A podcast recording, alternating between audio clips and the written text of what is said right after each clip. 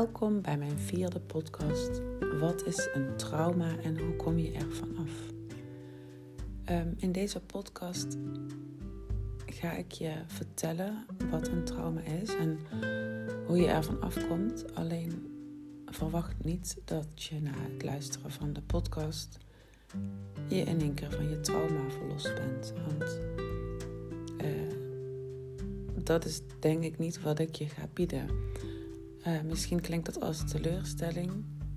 Uh, maar de reden dat ik het vertel is dat ik zelf altijd ervaring heb gehad van dat bijvoorbeeld mensen uh, boeken schreven van nou als je, als je van dit af wil komen moet je dit doen en dan ben je ervan af. En dat ik mij heel vaak realiseerde als ik dan zo'n boek uit, had of um, ik had iets uh, gelezen van ja als je als je het zo volgt, dan gaat het je lukken. En ik realiseerde mij dat, het, dat ik met de intentie zo'n zo'n programma ging beginnen. Dat als ik klaar was, dat mijn, mijn probleem was opgelost. Maar dat is niet de intentie die mensen zetten. De intentie die mensen zetten in zo'n boek of in een podcast of in een webinar is gewoon uitleggen hoe het in elkaar zit. En dat als jij dat begrijpt, dat jij dan zelf je probleem kan oplossen. Dus wat ik je nu ga uitleggen, uh, dat zijn een soort van uh, handvaten en uh,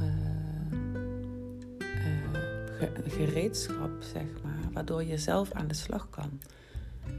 ik ga het je uitleggen hoe het in elkaar zit bijvoorbeeld ga je eigenlijk nu uitleggen hoe je auto in elkaar zit, zodat je zelf jouw motor kan repareren. Maar dat moet je helemaal zelf doen.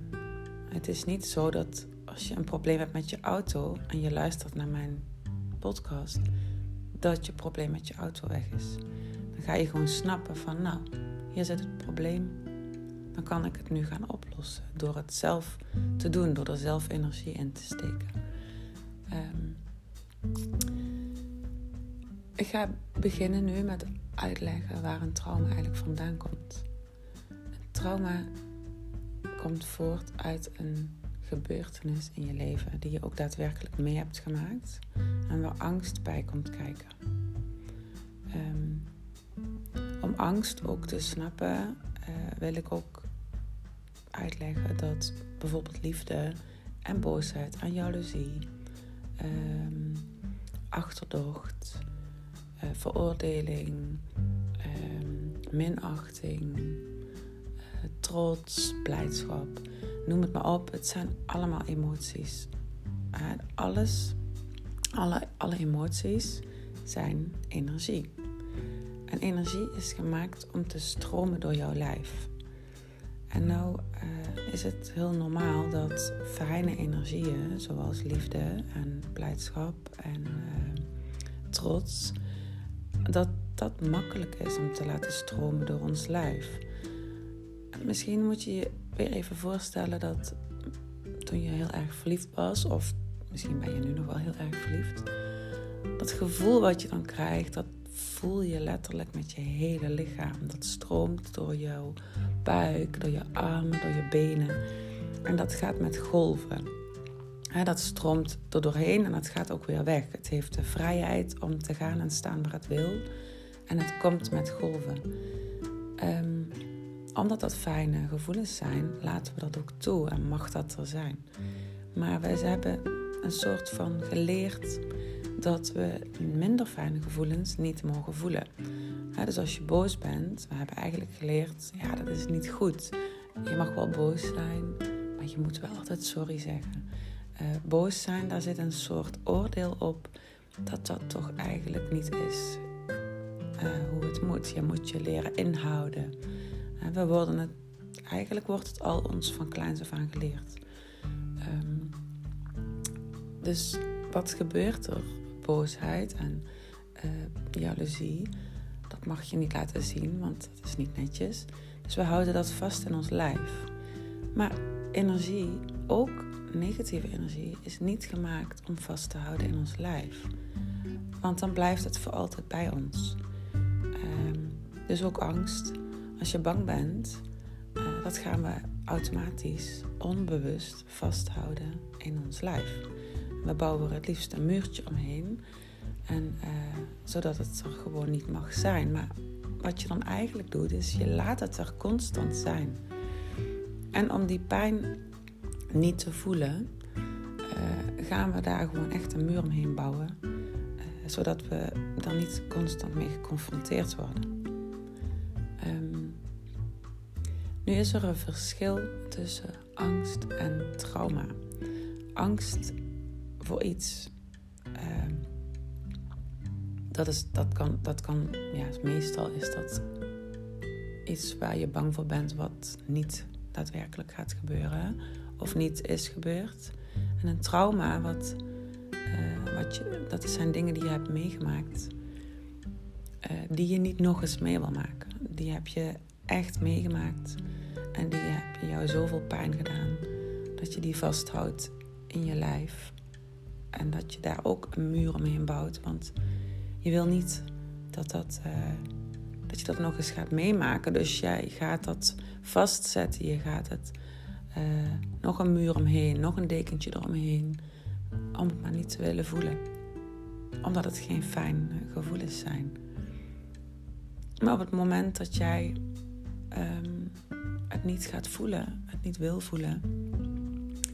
En iemand anders triggert jouw pijn of die raakt jouw trauma aan, dan ga je het weer voelen. En omdat je het niet wil voelen, ga je vaak de schuld leggen bij degene die jouw pijn aanraakt.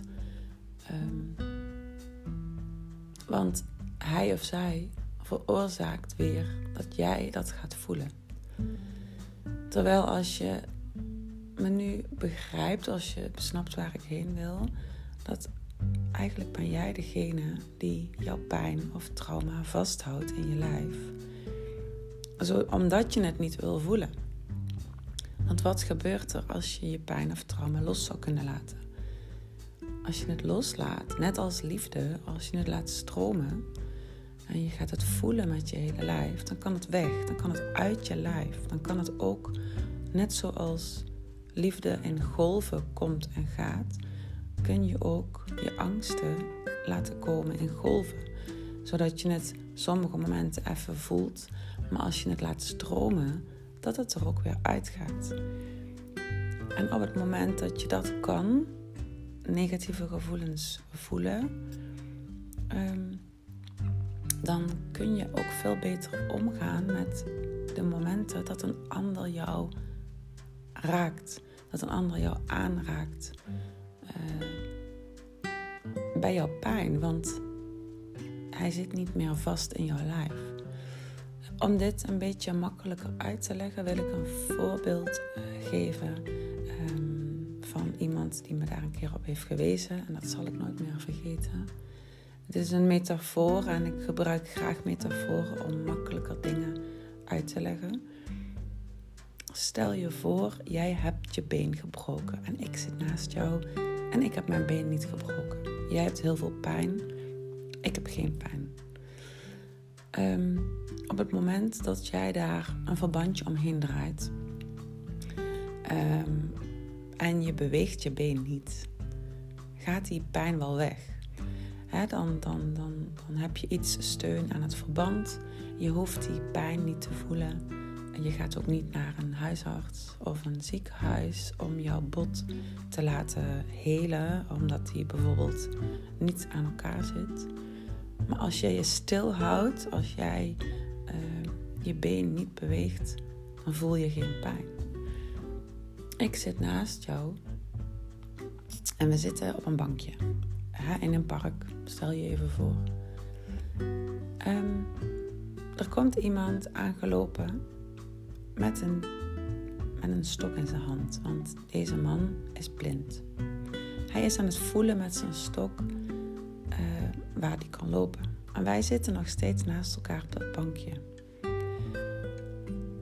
Hij komt met die stok langs ons lopen en hij raakt mij aan mijn been. En even later raakt hij ook jou aan jouw gebroken been. Tegen jouw verband aan, waar jij geen pijn voelde.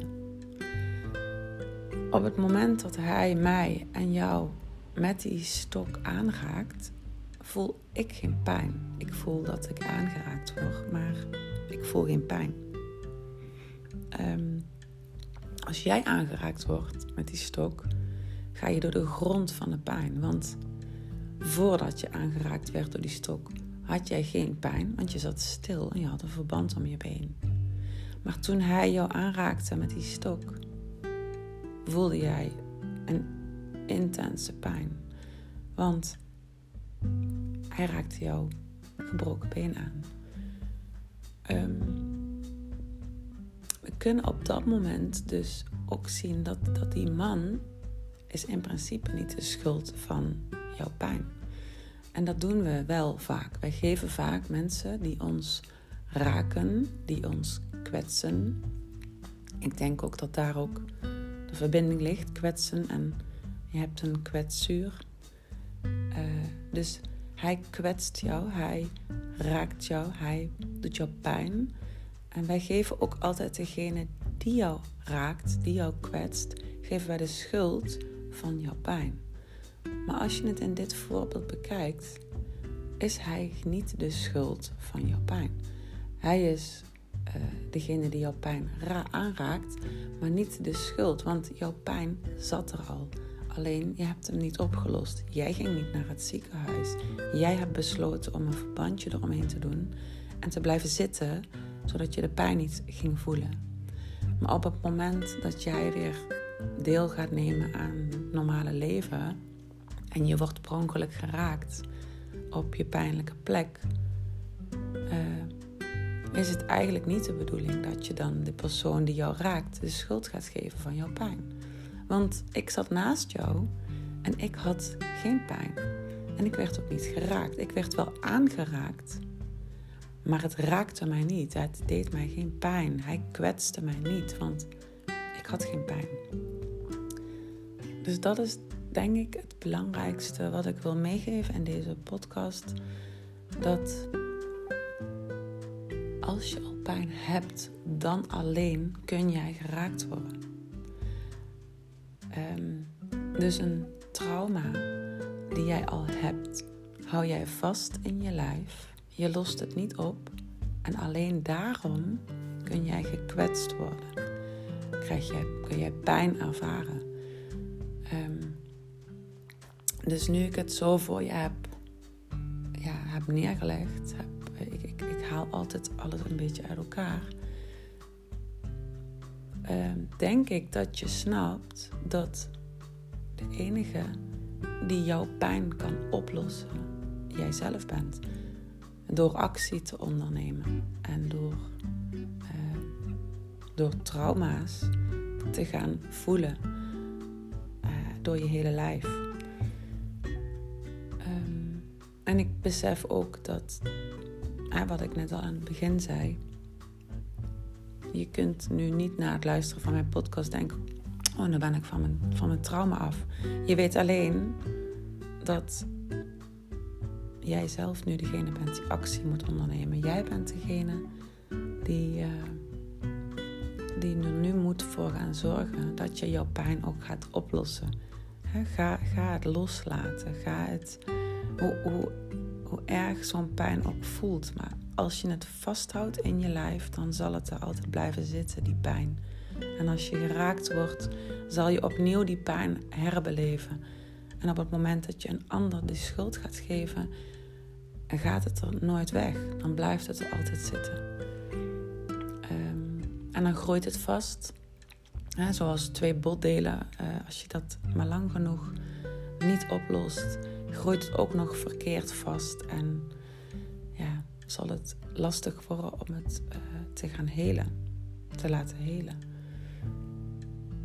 Um, het neemt niet, het is heel makkelijk gezegd, maar het neemt niet weg dat het heel moeilijk is voor jou om, zoiets uh, op te lossen. Want ja, hoe laat ik dat dan los? Um, los, loslaten is je, ja, je toch je concentreren op die pijn, op die angst. En je kunt heel veel met ademhaling doen. Als je